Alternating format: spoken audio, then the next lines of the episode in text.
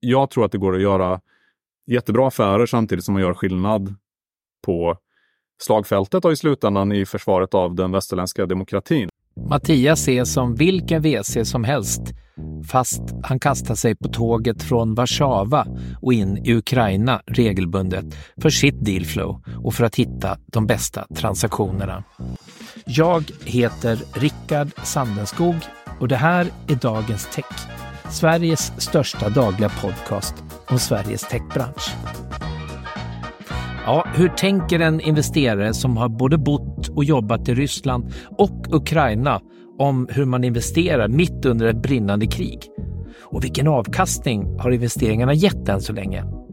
Ledtråd, lite bättre än vad man kanske tror, trots krig och techkrasch. Jag fångar Mattias precis hemkommen från Kiev. Hallå Mattias, hur är läget? Hej Rickard, inte så dumt. Jag är väl kaffinerad. Är du i Sverige eller är du i Ukraina? Var befinner du dig? Ja, just nu är jag i Stockholm i Sverige. Eh, men jag var i Ukraina förra veckan blir det väl, eller kom tillbaka för en, eh, en vecka sedan. Vad gjorde du där då? Det jag brukar göra när jag åker till Ukraina nu, vilket jag har gjort eh, ja, ett tiotal gånger i alla fall efter den fullskaliga invasionen, är att jag träffar företag, startups, antingen sådana som vi redan har investerat i eller sådana som vi funderar på att investera i. Och sen håller jag liv i mitt nätverk rent allmänt också för att som med mycket annat så handlar det om att eh, få höra om vad som händer och sånt där så får man tips och tricks och lite idéer om vad man ska eventuellt investera i i framtiden. Men sen tycker jag det är viktigt också att vara på plats och eh, förstå dynamiken i det som händer i Rysslands krig mot Ukraina. För att man kan läsa om det i Sverige till exempel, men man måste nästan vara på plats och få prata med ukrainare för att, för att förstå vad som händer där nere. Men UD säger ju åk inte dit och jag gissar att du inte tar Ryanair från Skavsta till Kiev. Nej, man kan, man kan inte flyga faktiskt. Eh, sedan den 24 februari 2022 så kan man inte flyga till Ukraina, utan det som gäller är tåg. Det går ju att åka in med bil och buss och sådana här saker också, men men den, för de som har gjort det några gånger, den här resan då, liksom så är väl det allra enklaste att flyga till Warszawa eller Krakow då i södra Polen. Men man flyger typiskt sett till Warszawa, sen åker man eh, polskt intercity-tåg till gränsen och sen hoppar man på ett nattåg eh, som är det jag föredrar i alla fall, till Kiev. Och sen sover man på tåget så vaknar man i Kiev. Eh, Vad är det för människor? På förmiddagen och glider in i Kiev. Vad är det för människor på det tåget? Eh, till att börja med är det alla flest kvinnor och barn. Eh, och min teori är väl att det är ofta så att eh, frun eller hustrun, så att säga, eller, eller den andra i paret har flyttat till Polen med barnen till exempel. Och mannen är kvar i Ukraina. Det är nog en ganska vanlig setup. De får inte lämna landet? Vad sa du? Männen ja, får inte lämna landet. Nej, precis. Det finns massa begränsningar och det, det pratas en del om att man har kunnat köpa sig ut och sådär. Men, men det är nog ganska få ändå som har gjort det. Så, att, så att det, det typiska är att mannen är kvar i Ukraina. Det är många kvinnor och barn som är kvar också, de flesta. Men, men det är många som har åkt till bland annat Polen då. Då har man de här distansrelationerna då i praktiken, vilket i sig är ett, ett stort ämne som det också pratas om. men, men på de här tågen då så har du mycket kvinnor och barn och sen har du en del män som är ja, kanske lite äldre män eller sådana som har tillstånd och sådär som, som, får, som får åka. Du, du, nu, nu kommer alla frågor i bakvänd ordning här, men du måste berätta, hur är stämningen på gatan i Kiev? Eh, nattklubbarna är öppna vad jag förstått och sånt. Hur ser man mm. att det är pågående krig trots att man är väldigt långt från fronten och hur, hur är stämningen just nu? Man kan väl säga som så att det är en ny, en ny normal som man kanske säger på svengelska. Men en ny normalsituation där folk har anpassat sig till den här nya verkligheten och den är ju ungefär så att restauranger och barer och kaféer och så vidare och alla tjänster och sånt fungerar som de ska. Och tågtrafiken för övrigt går ju i tid i Ukraina till skillnad från i Sverige då, men, men, men ehm, så att vardagen i Kiev ser väldigt normal ut. Men sen kommer då ett flyglarm till exempel. Och, och då inser man liksom att okej, okay, eh, det, det, är inte så normalt.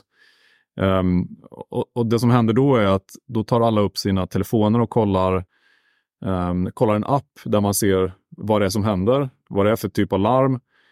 Um, och och då, är, då är det lite ny då liksom nationalsport i att Okej, okay, är, det, är det ett MIG-31 flygplan som kan bära Kinjal-robotar eh, som har lyft från en bas någonstans långt bort i Ryssland, Ural eller var de ligger? Eller är det ett fartyg i, i Svarta havet eller Kaspiska havet som har skjutit kryssningsrobotar? Eller är det iranska Shahid-drönare som flyger? Och så försöker man liksom förstå om det är ett allvarligt hot eller ett mindre allvarligt hot. Ja, du förstår liksom. Så, så, att, så att det är det som blir frågan då när flyglarmet går. Så att man sitter och dricker kaffe på ett hipstercafé i centrala Kiev och sen går det flyglarm. Om det inte är allvarligt så sitter man kvar. Är det allvarligt så kanske man går till ett skyddsrum som det för övrigt finns väldigt få av. Så det, det är också en, en, ett separat ämne. Så man tvingas när larmet kommer in från sidan avbryta det man gör och göra någon form av realtidsriskbedömning och agera ja, därefter? Ungefär så. Sen, sen är det givetvis så att folk är härdade numera. Så att de flesta går ju inte till skyddsrummen om det inte är något väldigt speciellt. Och det och som sagt, i den mån det finns skyddsrum, för annars är det garage och T-banenedgångar och sådana som gäller. Men du hade ju åtminstone två stora angrepp kring nyår, om det var 29 december och 2 januari eller något åt det hållet. Och då, då var det ju riktigt kraftiga angrepp. Då, jag var inte där precis då, men jag, jag har varit i Kiev när det har varit de här stora angreppen. Och det, då är det annorlunda, för då är det tomt på gatorna och folk eh, sitter i T-banan och sådär och, och liksom väntar på, på stationerna så att säga. Och så, för det, de är relativt säkra. Så då, då, är det, då, då, är det, då är det lite annan stämning. Vi backar ett gäng år. Vi kommer tillbaka till Ukraina sen, men, men österut är temat för dig. Eh, du började med att, det började med att du hamnade i Ryssland ta hela den här grejen. Varför begav du till Ryssland? Och du, du drog igång motsvarande gula sidorna där. Berätta. Mm. Ja, det är en väldigt bra fråga. Det, egentligen får man backa bandet till 90-talet när jag förläste mig på, på Jan Guillous böcker om Carl Hamilton och allt vad det var. Och då tyckte man... Kockrorsböckerna? Liksom, vad sa du? Ja. Kockrorsböckerna och ja, spionromantiken. Exakt. Kockroch var den första då. Uh, kom väl 86 eller något sånt där tror jag Kokerouche kom. Men, mm, men, de eh, läste man och samtliga Tom Clancy. Ja, just det. Ja, men, eller hur? Och, och, och sen när det blev dags för mig, jag är född 1980 då, så att 1998 gissar jag att jag mönstrade kanske då, för då var det fortfarande nästan allmän värnplikt. Och då tänkte jag så här, om jag ska göra lumpen så ska jag göra något nyttigt med det där, den här tiden liksom. Och då hade jag då, bland annat via Jan Guillou som sen, sedan förstod man liksom att han, han var en problematisk figur, men men det är ett separat kapitel, men i alla fall han, han nämner då tolkskolan i någon av de här Hamilton-böckerna då så att säga. Försvarets tolkskola i Uppsala som är en sån här institution liksom där man sedan 1957 har utbildat massa stackars värnpliktiga i att, i att kunna ryska och lite andra finesser. Mm, jag eh, platsade eh, inte där, jag var inte tillräckligt smart och ingen ordning. Du var uppenbarligen ja, båda då? Jag som har gått där har ju liksom insett att det var eh, kanske lite smarthet, men mest var det liksom eh, pannben, liksom, motivation för att ta sig igenom det där. Så att det, fanns inte, det kanske fanns någon korrelation, men inte liksom en 1 till 1 korrelation mellan någon sorts eh, smarthet och, och hur man klarar sig där. Men, men i alla fall, jag hade på något sätt så lyckats komma in på det här stället och då så 1999 så ryckte jag in på tolvskolan och sen och muckade då 2000. Eh, och det var liksom startskottet till mitt egentliga liksom, intresse för öst då kan man väl säga. Och det är lite så här att har man blivit biten av östbuggen så är det, då är man liksom smittad lite grann. Eh, men jag gjorde väl lite olika grejer. Jag jobbade för svenska försvaret på Sveriges ambassad i Helsingfors under två år. Så jag har liksom lagt tre år av mitt liv på Försvarsmakten egentligen kan man säga, när jag var kring 20 eh, år gammal. Och sen började jag plugga på Handels i Stockholm och sen gjorde jag massa andra grejer. Och sen slutade med att när Ryssland började ta fart eh, och många, inklusive mig själv, hoppades att Ryssland skulle gå i rätt riktning. Och det här är liksom 2010, 11, 12 någonting. Då tyckte jag att eh, nu måste jag liksom ta chansen och åka dit och se om jag kan göra någonting vettigt. Det var lite sådär, om du tänker dig Klondike eller vilda västern stämning, sådär att lite, lite kanske Berlin 1989, liksom att nu äntligen kommer Ryssland bli ett normalt land och det är massa tjänster, internettjänster som, som liksom kommer till Ryssland och internetrevolutionen och den mobila revolutionen och konsumentrevolutionen och alla de här grejerna. Nej, men det, kom, det var ju en positiv stämning och den var ju sen stabiliteten efter Jeltsin-åren eh, kom där så fanns det ju, det var ju både någon form av romantisk aura och den här känslan av frontier, land och allt det där. Men det var ju optimism också som rådde både i landet och det svenska perspektivet från svenska storindustri, det var optimistiskt också. Några år innan vi, vi fick kanske samma känsla för, för Kina där också. Det var ju, ja. jag, jag funderade till och med på, tänkte, kan man åka dit och jobba? Det verkar ju kul. Ja. Men du alltså, gjorde och, det på riktigt? Jo, det gjorde jag absolut.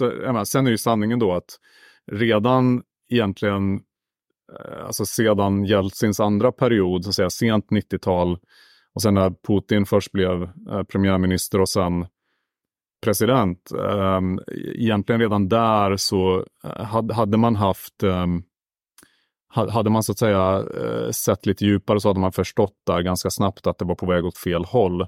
Och inte minst då sen man tog över Jukos då eller Chodorkovskij liksom och och, så det var liksom en kraftig signal. Och sen har du den här säkerhetskonferensen i München, var det 2007 när han höll något tal där? Kanske 2007, jag tror det. I alla fall. Det var då han började vapenskramla mot Ukraina och revisionistisk historiebeskrivning. Ja, men, men sen har man ju, menar, du, du, man hittar ju massa videor då liksom på när de här, inklusive Jeltsin själv då, som, som har den här lite mjukare imagen, liksom goa, goa gubben-imagen, men han, han var ju lika mycket nationalist och, och sådär som, som alla andra egentligen ryssar. Uh, det var att han var liksom mer, mer berusad så att säga. Så det, liksom, det var inte lika tydligt kanske. Ja, men, men, men, uh, men egentligen fanns ju alla tecknen redan där och sen när man gick in i Georgien 2008 och ockuperade en del av Georgien och ja, men då, då skulle ju egentligen alla ha vaknat. Uh, jag gjorde inte riktigt det och, och sådär, men, men sen då så var jag i Moskva i fem år kan man säga. Så jag såg ju liksom Ryssland gå från det här demokratihoppet som ändå fanns och det var liksom hundratusen protesterande på uh, Prospekt Sacharova i, um, i Moskva liksom och det var Balotna torget och, och, allt var där. Jag var med i en del av dem där liksom och, och kollade liksom uh, fascinerat. Sen gick det åt helt fel håll och 2004 gick man in i Ukraina och där någonstans så bestämde jag mig för att jag kan liksom inte vara kvar i Ryssland. Då det, uh. det minst, det sista lilla naiva hoppet förtvinade där. Ja, men sen tog, det ju, sen tog det ändå, och det, det, där har jag bara mig själv att skylla så att säga. Sen tog det ändå tre år innan jag slutligen, slutligen liksom kom därifrån. Så jag flyttade ifrån 2017. Vi hade ju, jag drev ett svenskt bolag, som du var inne på, eh, så drev vi egentligen en, en, en, modern variant av Gula sidorna som hette Gäll.ru. Eh, alltså lite liknande Hitta.se i Sverige, egentligen mer än det så att säga. Men eh, en populär konsumenttjänst, så vi hade fem miljoner personer som använde det per månad när det var som störst, mest aktivitet. Jobbar du med eh. Avito-grundarna också? Ja, vi jobbar Någonting. inte med dem direkt, men det finns en intressant story för att de, Avito kom egentligen ur gula sidorna. Sen knoppade man av det så att det blev ett separat bolag. Så att det här, det här är ju och Avito, gammal... i, Avito i sig är ju en gammal Blocket-klon. Eh, alltså, ja, precis. Storyn är ju liksom att eh, egentligen så var det Eniro ursprungligen som kom till Ryssland för att göra gula sidorna i Ryssland. Och det här är då ännu längre tillbaka liksom. Och då efter ett tag så köptes det där och ägdes av eh, Kinnevik och VNV, eh, Bastok New Ventures, eh, som det heter nu, VNV. Eh, och sen noterar man det i Sverige så var det ett börsnoterat bolag en period och sen flyttade eh, Avito-grundarna till Ryssland Eh, och eh, de gjorde först någonting annat som inte gick så bra och sen kom de på att men vänta nu, vi kan göra den här eh, så att säga handelsplatsen då, liksom motsvarande blocket. Eh, låt oss kalla den Avito och så gjorde man det. Och sen knoppade man av Avito, för då var de på gula sidorna, men de knoppade av Avito till ett separat bolag som gick fantastiskt bra, alltså en enorm framgångs, framgångsstory. Eh, så det fanns en, en parallell, de var liksom ett systerbolag kan man säga, men mycket, mycket större och mycket mer finansiellt framgångsrika än vad, än vad vi var så att säga. Och blev en väldigt fin exit för för dem. De sålde till Nasper sen också. Bra timing. Absolut, jag tror att VNV, jag tror Kinnevik sålde lite tidigare, men VNV sålde väl 2019, så det var ju väldigt bra timing. Det har varit surt och, och, och sådär och, och sälja det efter 2022, men det här sätter ju fingret på att man ska nog inte jobba i diktaturer egentligen. Det är nog en dålig idé att göra det. Um, sen är det liksom fråga vem, vem, vem, som kommer ur det där med, med liksom uh, integriteten i behåll. Liksom. Men, men, i grunden tycker jag att, att man inte ska jobba i diktaturer och det kan vi liksom lära oss av, av den här naiva då synen som många haft på Ryssland. Jag tycker samma sak egentligen gäller för Kina eller vilken annan diktatur som helst. Liksom att, att äh, det finns en nedsida, utöver den moraliska, så finns det en nedsida att investera i diktaturer. Och det är liksom att äh, du, du, kan bli av med allting äh, när som helst så att säga. Du var kvar i Sverige något år och sen, hur kom Ukraina in i bilden? Jag hade ju då eh, så att säga velat bli investerare egentligen en, en period. Så att jag flyttade från Ryssland och funderade på vad jag skulle göra härnäst. Och så var jag lite lokalpolitiskt aktiv då. Men egentligen så började det redan när jag var kvar i Moskva. För vi tog in då en massa pengar från Kinnevik och VNV som investerade i det här Gäll som jag drev tillsammans med en annan svensk entreprenör. Och när Ryssland då angrep Ukraina 2014, 2014-15 var en sån intensiv period i början där. Det vi gjorde var att vi tog en del av de här pengarna som vi hade rest för vår ryska verksamhet och investerade i Ukraina istället. Så vi gjorde liksom en tech-investering, en startup-investering i Ukraina där 2014-15. Och det gör väl oss till en av de tidigaste investerarna i det ukrainska tech-startup-ekosystemet. Men flyttade du en fond då från Ryssland till Ukraina? Eller var det direkt i bolaget i Ryssland de hade investerat i? Uppenbarligen så var ju investerarna med på noterna och tyckte att ja. de kunde flytta pengarna över gränsen där. Ja, alltså det, det funkar så. Eh, jag fick med mig styrelsen då på detta, liksom, men fast jag hade en stor ägarandel själv, men, men det krävdes ändå styrelsebeslut såklart. Men pengarna då som vi tog in från BNV och Kinnevik låg i ett svenskt holdingbolag. För det var så man, man gjorde och så, så gör man väl typiskt i många fall liksom med, med investeringar. Men, så pengarna låg i ett svenskt holdingbolag och sen pytsades de över vartefter till, till den operativa verksamheten då i Ryssland. Men en del av de här pengarna flyttades inte till Ryssland utan de investerade vi i Ukraina istället. Och det var ju liksom um, ja, det kändes väldigt bra att göra det helt enkelt 2014. Vi gjorde dealen 2014 och den stängde väl 2015 tror jag. Men, men så vi, vi har liksom varit tidigt i att investera i Ukraina i det tech-ekosystem som egentligen började mycket med IT-outsourcing, alltså programmerare som gick att få ganska billigt. Väldigt duktiga programmerare i Ukraina. Så det började med det liksom. och sen började det komma ut massa produktbolag ur det där också, alltså startups med egna produkter och tjänster. Så vi investerade i ett sådant bolag där för tio år sedan ungefär. Och sen 2019 då när jag funderade på vad jag skulle göra uh, i livet så flyttade jag till Kiev på vinst och förlust helt enkelt. Jag har en tendens att göra sådana saker och jag tyckte det var liksom rätt tid och vi hade redan, eller jag hade redan ett nätverk där nere och, och det fanns en väldigt, väldigt speciell och intressant eh, tech-scen i Kiev. Plus att Kiev är en väldigt fin stad som jag tycker väldigt mycket om och sådär. Så att det var egentligen en kombination av de här faktorerna som gjorde att jag flyttade till Kiev 2019 och började göra ängelinvesteringar. Det var liksom så det började. Och det var från din egen plånbok bara? Ja, precis. Då, då var det liksom surt förvärvade egna slantar.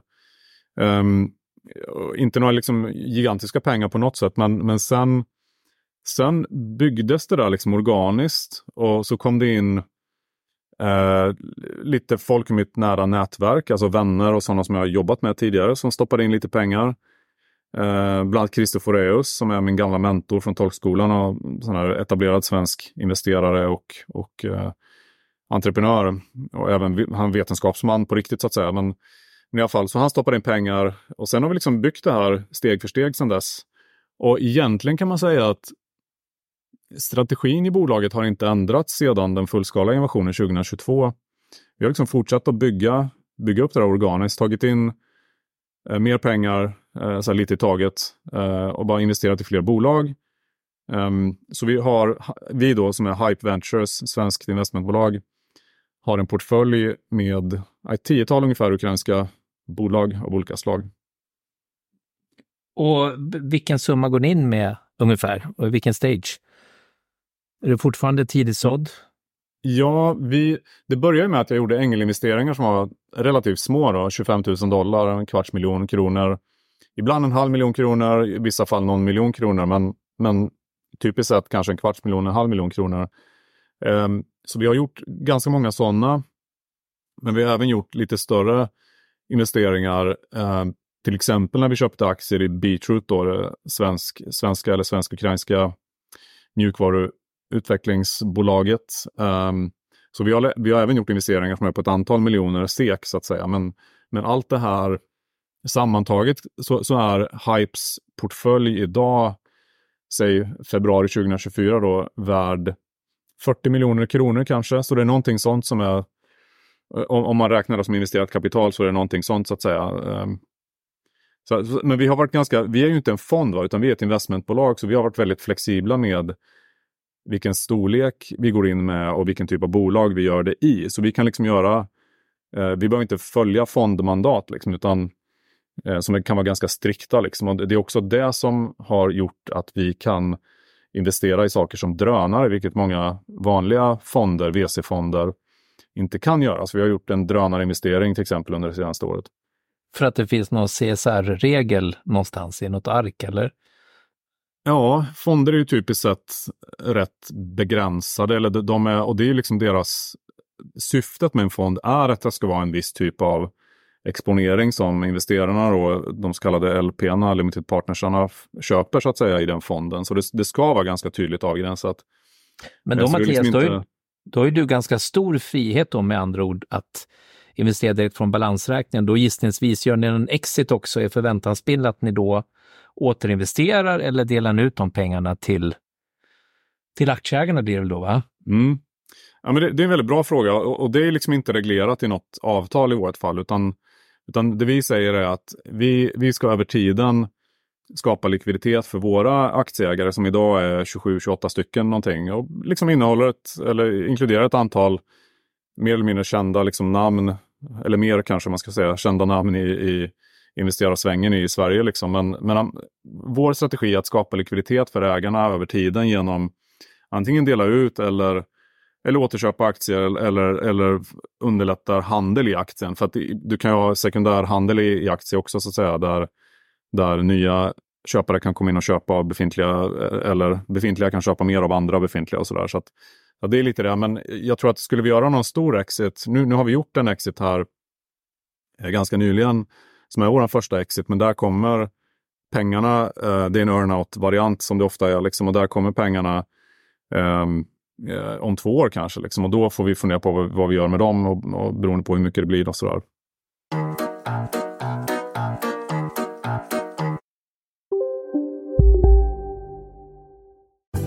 Hej, Synoptik här. Visste du att solens UV-strålar kan vara skadliga och åldra dina ögon i förtid? Kom in till oss så hjälper vi dig att hitta rätt solglasögon som skyddar dina ögon. Välkommen till Synoptik. CSRD, ännu en förkortning som väcker känslor hos företagare. Men lugn, våra rådgivare här på PWC har koll på det som din verksamhet berörs av. Från hållbarhetslösningar och nya regelverk till affärsutveckling och ansvarsfulla AI-strategier. Välkommen till PWC.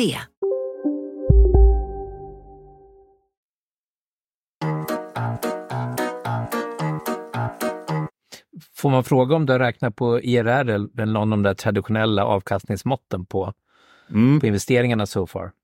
Ja, per, så jag säger rätt här nu, men per den, jag tror vi räknade per den sista december så låg vi på 34, någonting procent IRR. Och då räknar vi sedan starten 2019 så att säga. Det är väl, det är väl väldigt bra i, ja, nej, men... 2023 när man har både en techkrasch och en fullskalig innovation på insidan av ja. mätperioden. Ja, men det, nej, men det, det är ju jättebra siffra så att säga, men, men det är som allt annat, liksom. sen, sen ska liksom, cashen ska, ska in på kontot ja, också. Liksom. Så att, så att, men, men, ja, det är bra det, för att vara kalanka pengar i alla fall, eller hur? ja, jag, jag, jag gillar det uttrycket. Ja, det är bra för att vara kalanka pengar Sen, sen förhoppningsvis blir det även eh, liksom riktiga digitala låtsaspengar av det så att säga. Men, men, eh... Ska vi prata lite grann om ukrainska startups? Jag var inne och kollade på en del av de bolag som du har i portföljen och när man går in på deras sajter och klickar runt så är det påtagligt hur internationella de är. Mm. Oftast med svenska startup kanske man gör ett lokalt bett först och bygger en MVP, skala till Sverige och sen tar in en growth eller scale-runda för att gå internationellt. Men alltså jag får uppfattningen i alla fall, titta på din portfölj, att man börjar internationellt dag ett mm. och uppfattar sig själv som en, en, en världsaktör, trots att man är fortfarande mikroskopisk i size. Mm. Ja, men det är en väldigt, väldigt bra observation och det är verkligen så som du säger.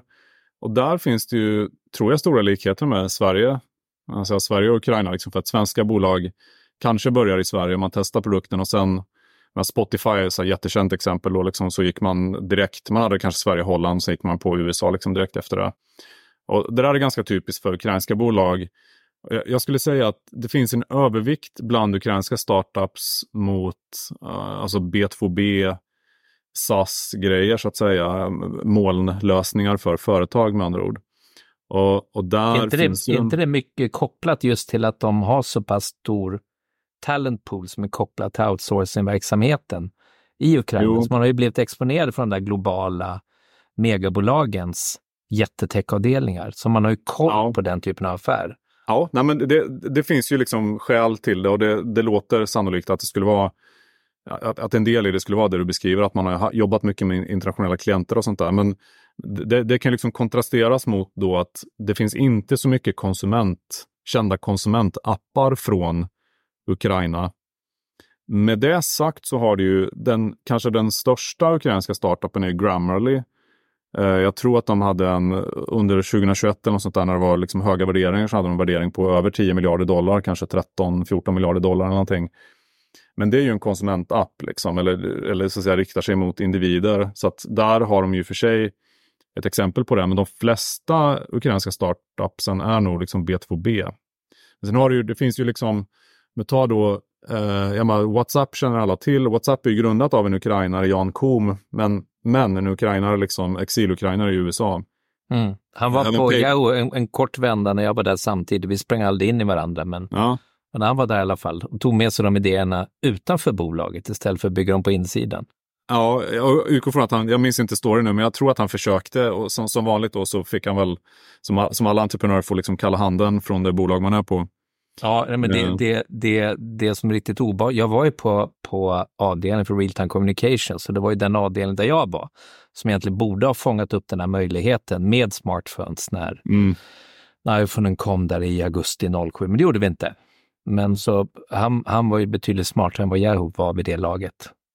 Väldigt snyggt. Sen är det väl, det är mycket, djävulen bor i detaljerna liksom, så det var mycket hur de byggde, hur de byggde WhatsApp också. Sen eh, men du har liksom även så Paypal, Max Levchin har ju, Paypal har ju, en av grundarna är ju ukrainare. Ja, Han har ju Affirm numera och sådär. Så du har liksom ett gäng ukrainare som har lyckats i USA eh, i olika generationer. Den första vintagen kanske var Max Levchin då, sen kanske var Jan Koom eller något sånt liksom. Och sen har du då liksom den nya generationen ukrainare. Men det stämmer att det finns internationellt väldigt framgångsrika ukrainska startups, inte minst på B2B-sidan, men inte bara då. Det delar man ju med Israel. De bygger i princip bara B2B-startups där. Och i princip så har man nästan alltid en amerikansk kund som kund nummer mm. ett. Mm. Så man försöker inte ens titta på den inhemska marknaden och man försöker inte ens bygga konsumenttjänster just för att marknaden är så pass homogen och mikroskopisk så att den inte är på något sätt representativ. Mm. Det har jag i alla fall hört från israeliska VCs. Så det, är väl, det låter som att en liknande läge i Ukraina. Man ger sig på den globala marknaden som steg ett. Mm. Och det ska man nog vara glad för idag kanske, i och med att konsumentstartups är väl de som har haft det tuffast de senaste två åren. Ja, och det är intressant för att de flesta, långt ifrån alla då, men de flesta ukrainska startups har nog liksom klarat den, den här liksom externa chocken då som det här kriget, nya kriget, nya invasionen innebär Alltså, kriget började 2014, även om man inte kallar det krig då, dumt nog kan man tycka. Men, men de flesta har liksom klarat den här nya 2022 fullskaliga invasionen relativt bra, bland annat då för att man har haft mycket internationella klienter. Så, att, så det, det, har varit en väldigt positiv faktor för Ukraina och hela IT och techsektorn fortsätter vara en stor tillgång för Ukraina, både för BNP så att säga, men även för att man kan plocka duktiga människor till försvaret av landet därifrån som kan jobba med cybersaker eh, eller, eller liksom annat. Jag har hört att väldigt många startups har väldigt effektivt drivits mot att, att innovera eh, runt eh, teknik som hjälper Ukraina i kriget mot Ryssland.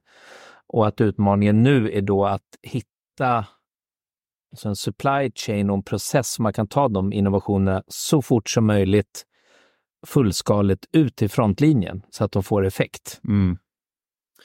Ja, precis. Det, det är lite så olika faser. Liksom. I, I, februari, om man spolar tillbaka till februari, mars 2022, liksom, då handlar det bara om överlevnad på kort sikt så att säga. Då, då tog man de drönare som man kunde komma över, främst kanske liksom kinesiska då DJI-drönare och använde även vid fronten och sådär. Eh, sen, sen insåg man att det var problematiskt. så att Sedan den här initiala fasen så har man väl steg för steg försökt bygga upp en inhemsk drönarindustri eller ett inhemskt drönarekosystem. Vilket liksom inte är lätt att göra av många olika anledningar. Dels visar det sig då att kriget eh, slukar drönare nästan som det slukar ammunition. Så att Ukraina bränner väl, ja men säg 20 000 drönare i månaden eller någonting åt det hållet. Som antingen kamikaze-drönare som så att säga, eh, används en gång eh, by design så att säga. Eller spaningsdrönare som skjuts ner eller får slut på batteri eller störs bort eller, eller flyger in i fåglar eller, eller vad, det, vad det är. Liksom. Så att kriget ser annorlunda ut också än vad man kanske kunde tro. Och det, det har väl som många, eller de flesta, eller alla stora krig blivit lite grann ett industriellt race. Liksom. Och där blir det då liksom en fråga om, okej, okay, vem kan bygga upp den, liksom den bästa industrin snabbast, så att säga, som kan leverera, inte de mest eh, liksom fancy lösningarna, utan tillräckligt bra lösningar. Och, där, det. och det är någonting som väst inte riktigt har internaliserat än, men som är en extremt stor lärdom från Rysslands krig mot Ukraina, att vi vill inte ha få dyra uh, lyxiga drönare. Vi vill ha många billiga, tillräckligt bra drönare. Quantity is a quality in itself, säger man väl nu för tiden. Ja, men man, men...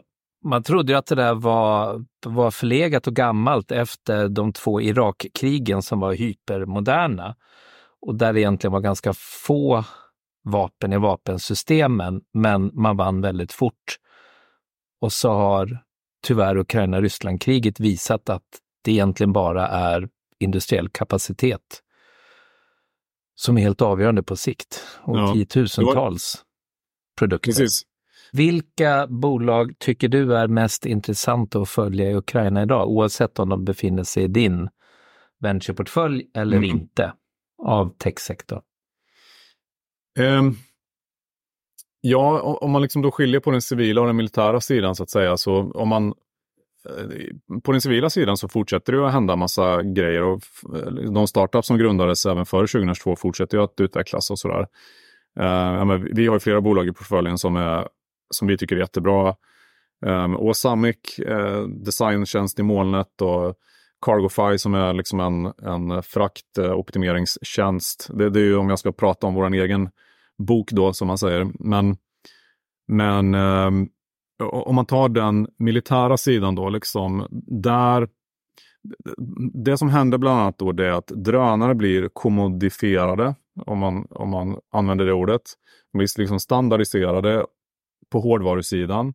Så att drönare blir mer och mer av en mjukvarugrej än en hårdvarugrej. Det är väldigt intressant och det sker till exempel därför att eh, ryssarna är duktiga på att störa.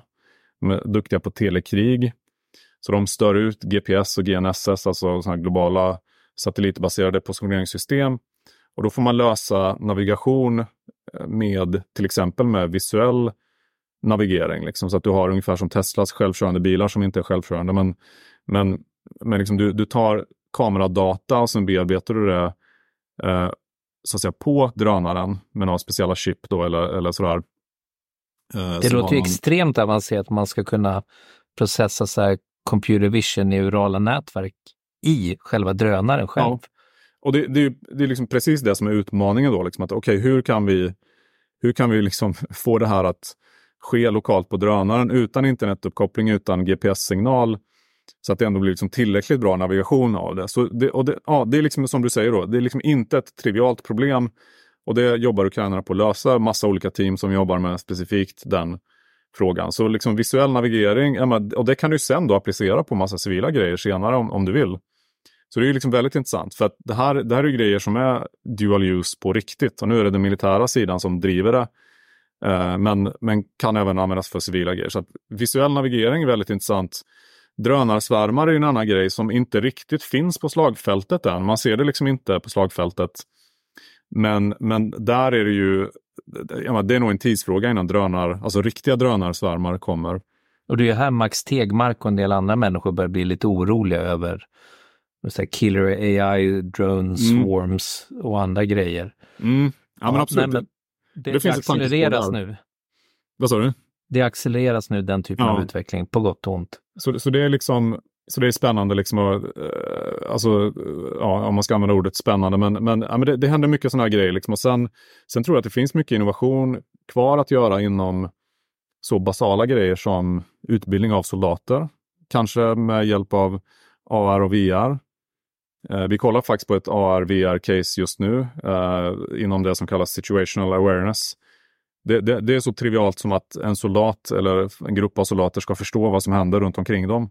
Och det, det låter ganska enkelt, men det är väldigt komplext. Um, så, I så realtid? I realtid och liksom i sådär. Va? Det, och det, ja, det, det, det, det är väldigt intressant. Där händer det grejer. Så liksom, men då utbildning av soldater också. Men även ta liksom medicin eller, eller logistik. Det, logistik och medicin vinner ju krig. Liksom, så att, så där finns det mycket tror jag också. Mattias, du, du har både ett bultande hjärta och sen är du ju kapitalist också. Hur hamnar de där i konflikt med varandra ibland när du jobbar mot och med och i Ukraina?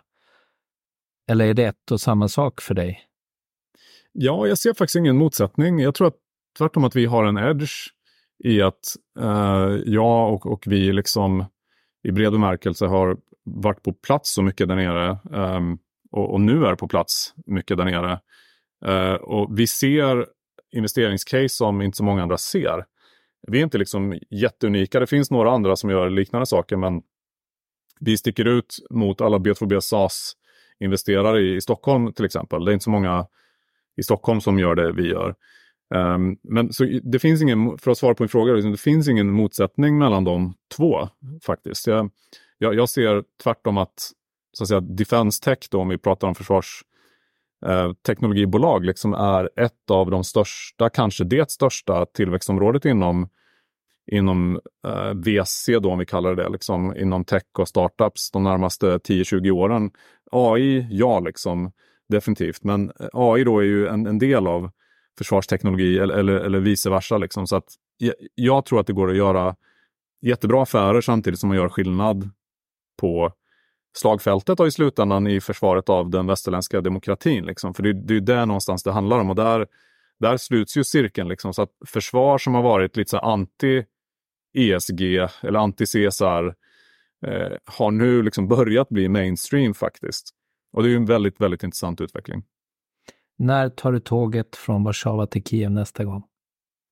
Eh, jag tror det blir ganska snart faktiskt. Um, Vad det, står det på agendan då? Ja, träffa fler, träffa fler bolag. Um, höra vad som händer där nere. Um, ja. Om man är i techbranschen eller VC-branschen vill komma i kontakt med dig, vad gör man då? Man kan mejla mig på mattias.hypeventures.io. Alltså eh, io på slutet. Eh, eller gå in på sajten, skicka via sajten. Eller hitta mig på LinkedIn, Mattias Eklöv. Uh, och jag pratar gärna om de här sakerna och det, det är många som skriver och sådär och det, det, är väldigt kul. Så det får man gärna göra. Tack Mattias, jag önskar dig lycka till med portföljen och ditt arbete i Ukraina. Stort tack Rickard, det var kul att vara med och eh, tack för att du intresserar dig för det här. Väldigt viktigt. Och nu tar vi sportlov. Vi ses nästa vecka. Dagens Tech är Sveriges största dagliga podcast om nyheterna och människorna i den svenska techbranschen. Podden den görs av mig, Rickard Sandenskog och produceras av Halvt Vargtjut Media AB. Och musiken kommer från Epidemic Sound. För att hjälpa oss med podden så skulle vi bli glada om du gjorde två saker. Följ oss eller prenumerera på oss i din favoritpoddspelare nu och tipsa alla dina vänner. Vi hörs!